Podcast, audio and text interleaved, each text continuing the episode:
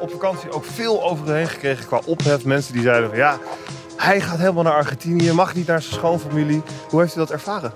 Ehm, nou, heel eerlijk, uh, ik heb er ook niet te veel naar gekeken. Ik uh, had voor het eerst in twee jaar weer een keer een vakantie en ik was even bij mijn schoonfamilie op bezoek. Ja, dus u vond, het, vond u het onterecht, al die kritiek?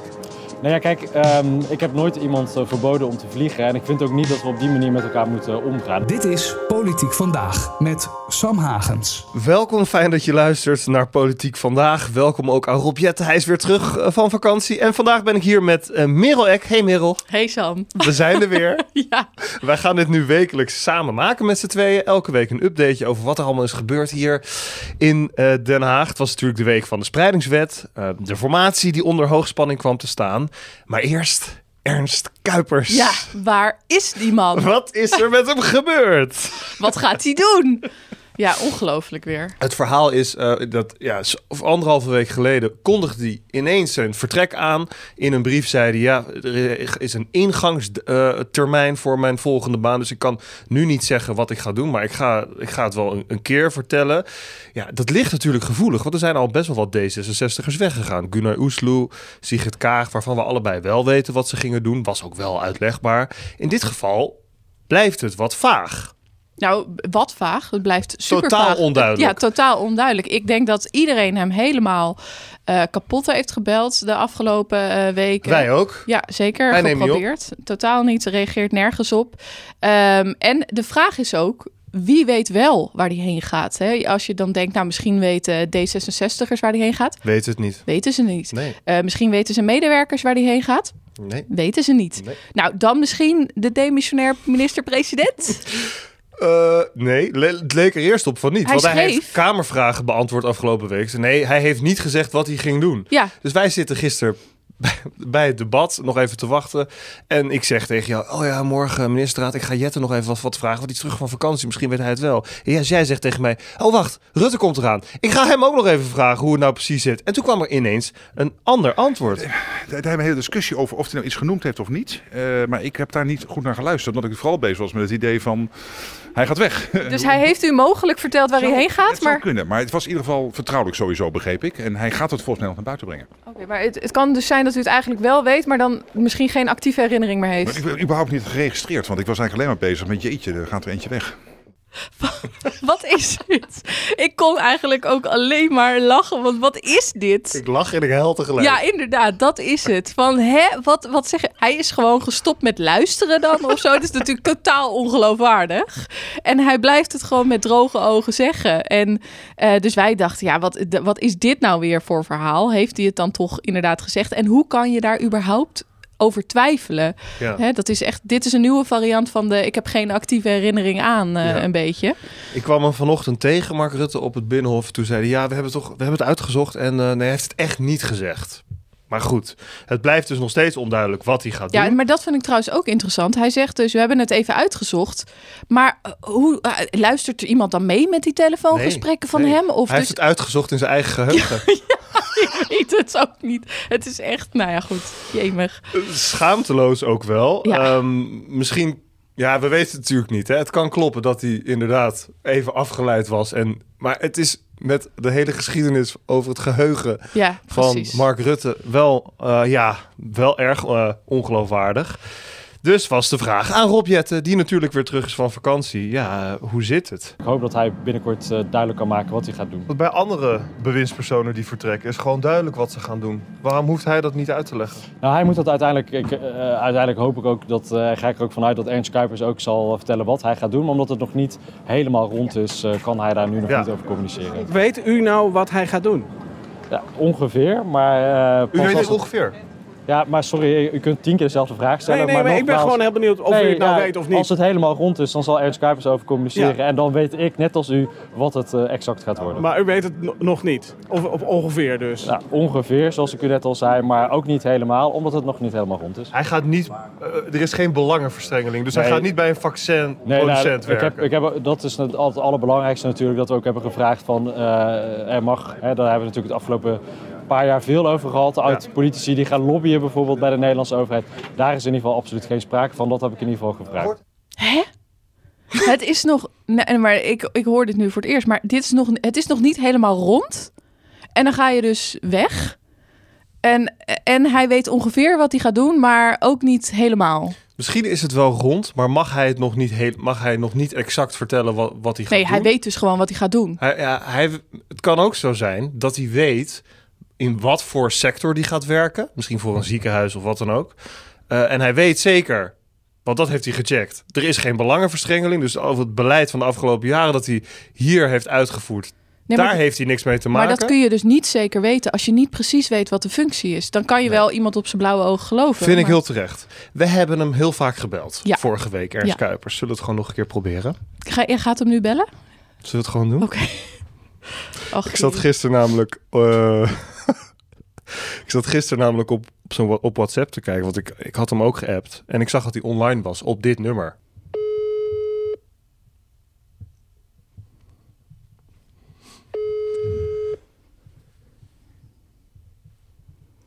Het zou ook wel heel bijzonder zijn als hij precies op dit moment dat wij hem in de podcast bellen opneemt. Hij gaat niet opnemen. Gaat WhatsApp naar voicemail? Nee, dat, gaat, dat oh, blijft, dat over- blijft overgaan. overgaan. Oh, nou, dit was de podcast. Luistert u nog 20 minuten naar deze toon? Bel jij hem eens? Want, want bij mij neemt hij wel op.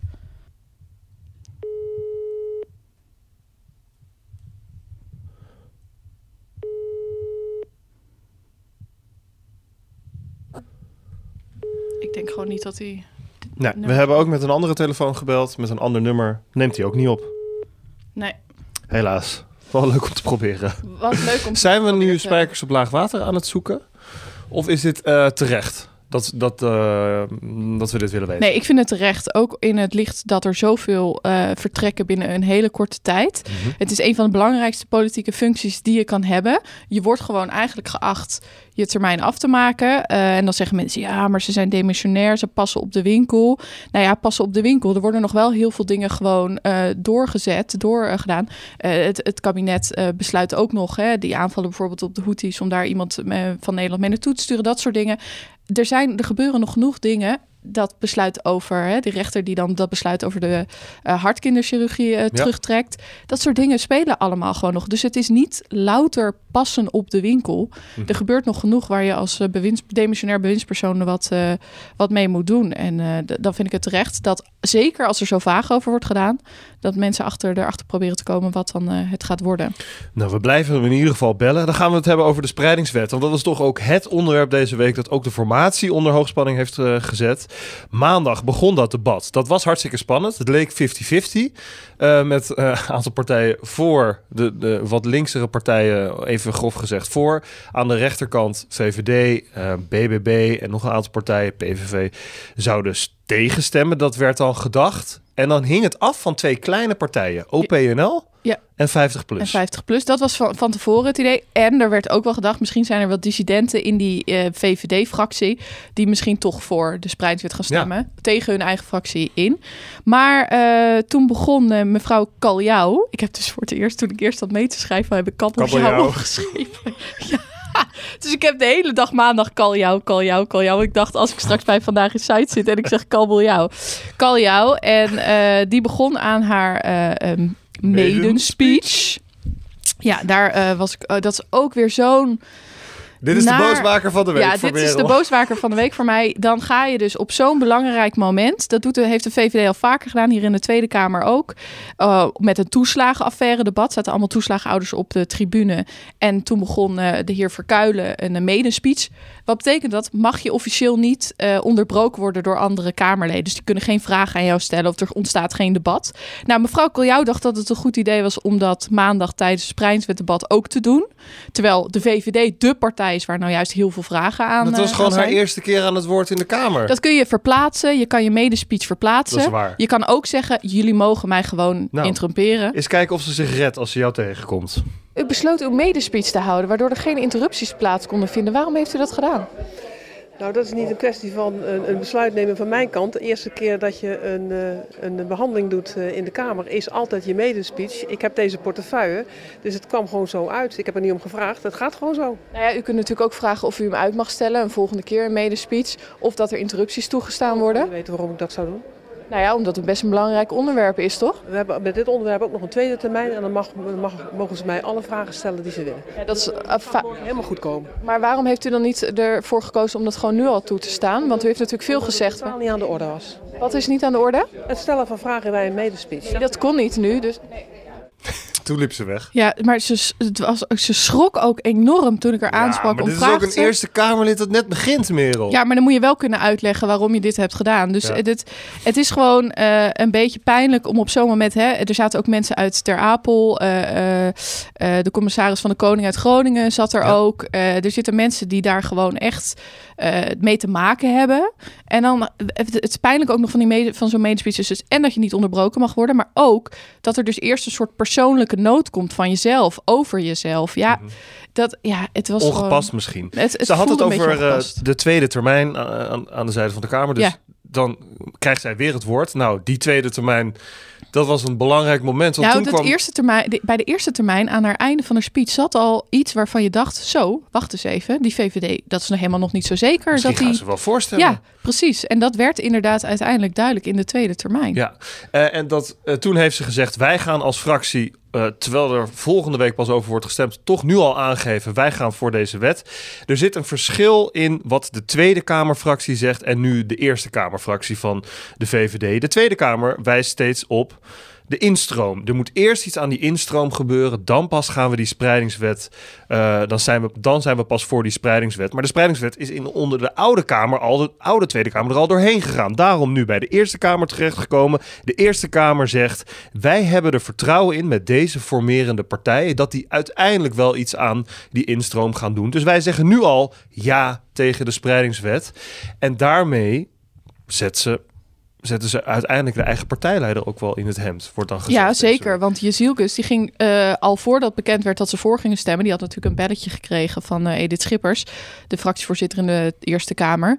Eh, die, die ging opeens voor de camera's, al dus voordat die Kaljou haar tweede termijn begon, een beetje uitleggen dat ja, ze zouden het liever anders zien. Maar ze zijn natuurlijk niet echt tegen de spreidingswet, maar ze willen het de volgorde eigenlijk andersom. Alleen het aparte van die volgorde is dat als je veel minder instroom hebt, heb je waarschijnlijk de hele spreidingswet niet nodig.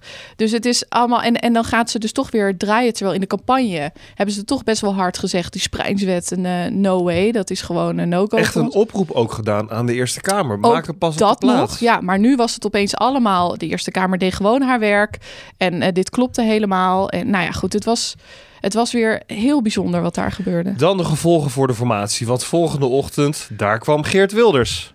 De spreidingswet eh, Ja. wordt toch aangenomen in de Eerste Kamer. Ja, we hebben een eh, probleem en daar gaan we zo eh, over praten. Want wat is het probleem? Daar gaan we zo over praten. Dank u wel. Ja, hij was ook echt. Bom, ontplof. Hij was ook echt boos. Hij was echt boos, ja. hè? En eh, ik zeg daar, wat is het probleem? Nou ja, goed, die spreidingswet is het probleem. Alleen, eh, ik bedoelde, wat, wat, wat, wat is dan het probleem nu voor de formatie? Hè? Wat, wat gaat hij vragen nu van de VVD? Ehm, moet die eh, spreidingswet straks gelijk van tafel als ze een eh, kabinet hebben?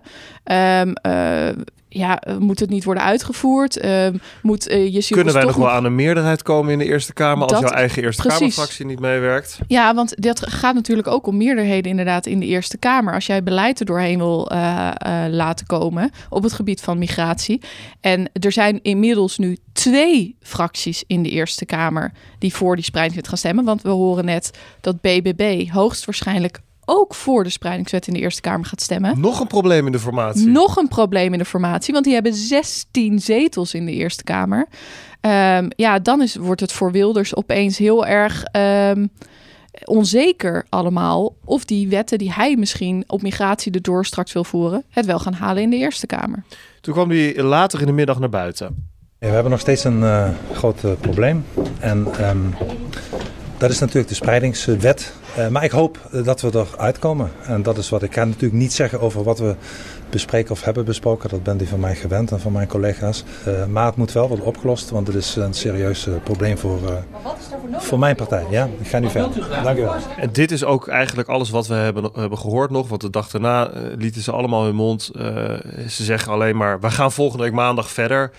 Praten, dan zit je. Ik, jij zat er woensdag de hele dag bij. Ja. Ik zat er donderdag de hele dag bij. Dan ga je ook een beetje zo zitten filosoferen van oké. waar zitten we nou eigenlijk naar te kijken? Want achter de schermen zegt niemand wat. Want zolang het loopt, heeft het, Nee. is er geen belang om ook maar iets tegen journalisten te zeggen. Ik zat ook wel te denken: oké, is dit echt een groot probleem op dit moment voor Wilders? Of maakt hij het een probleem om in de formatie te kunnen gebruiken? Ja. Dat hij, hij, het kan, dit is puur speculatief hoor, want wij hebben eh, precies. Wilders hier zelf Ja. niet over gesproken, maar ik vind het wel interessant om te bespreken van, oké, wat, kan, wat kan er achter de schermen eh, nu gebeuren? Het kan zo zijn dat hij dit echt ziet als een groot probleem, eh, omdat de VVD hiermee ook een instabiele factor is binnen de formatie. Het rommelt daar bij, bij die partij. Misschien vallen ze er wel helemaal uit, terwijl ze nu nog wel willen, willen gedogen. Het kan ook zijn dat hij dit een heel groot probleem maakt om Dylan Jisselgus onder druk te zetten. Zeker, je kan Oh, hey, hier... Nu moet je wel met mij in het kabinet Ja. komen, want eh, je moet iets aan die instroom gaan doen. Nou ja, dat. Je kan eh, dit eh, heel hoog opspelen inderdaad... om allerlei dingen weer eruit te onderhandelen... Ja. eh, in, in die, aan die formatietafel. we daar graag bij zijn? Ja, heel Oh. graag. Ja. Maar ja, dit is maar ik vind dat wel. Ik kijk, dit is de eerste. Ja, voor jou de tweede formatie, toch? Ja. Waar daarop je er bovenop zit. Voor mij de eerste formatie dat ik er zo bovenop zit. Ik vind wel dat ze echt heel weinig loslaten. Het is niet. Mhm. eh, ik bedoel, natuurlijk eh, eh, snap ik dat je niet vertelt wie wat voor wat heeft ingereld al op dit moment. Ehm, maar er wordt wel heel weinig gezegd. En sommige politici die ontlopen de pers ook echt. Hè? Die, als bijvoorbeeld eh Dylan Jezielke stond gisteren voor onze camera. Nou ja, dan weet Pieter Omtzigt, ik kan er achterlangs lopen. En you, eh, de ballen. Gelukkig stond Hanna, collega Hanna, die stond aan de andere kant van de poortjes. En daar had Pieter Omtzigt geen rekening mee gehouden.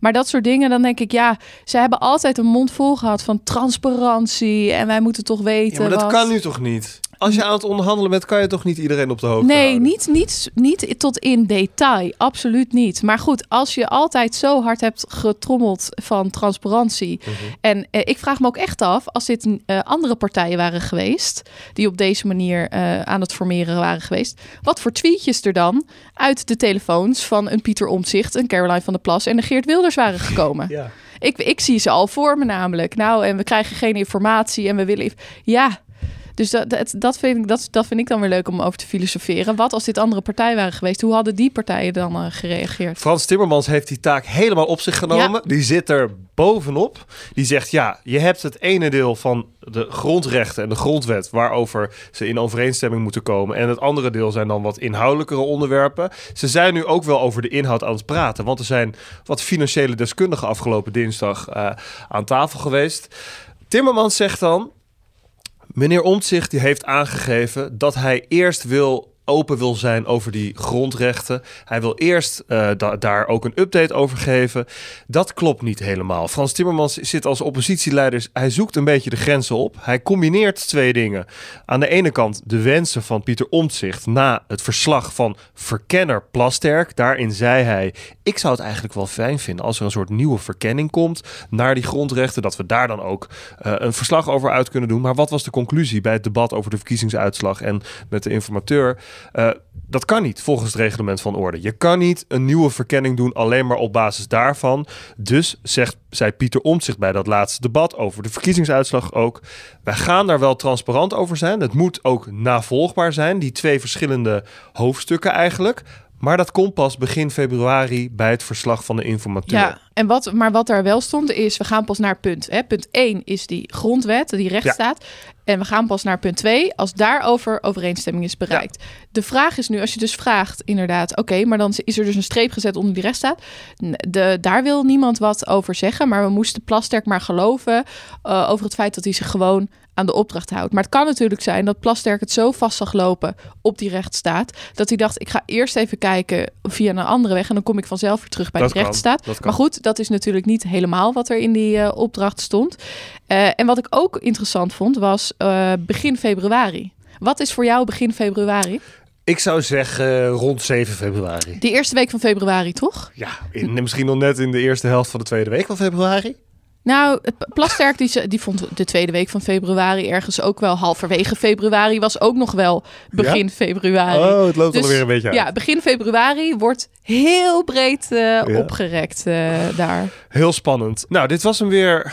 Politiek vandaag. Nog een kleine toevoeging. We krijgen net het bericht binnen dat BBB toch voor gaat, eh, tegen, gaat stemmen. Ja, tegen. ANP trekt het bericht in en ze gaan unaniem tegenstemmen. Dus toch geen extra probleem. gelukkig. Tot volgende week weer. Dan zijn we er weer met Politiek vandaag.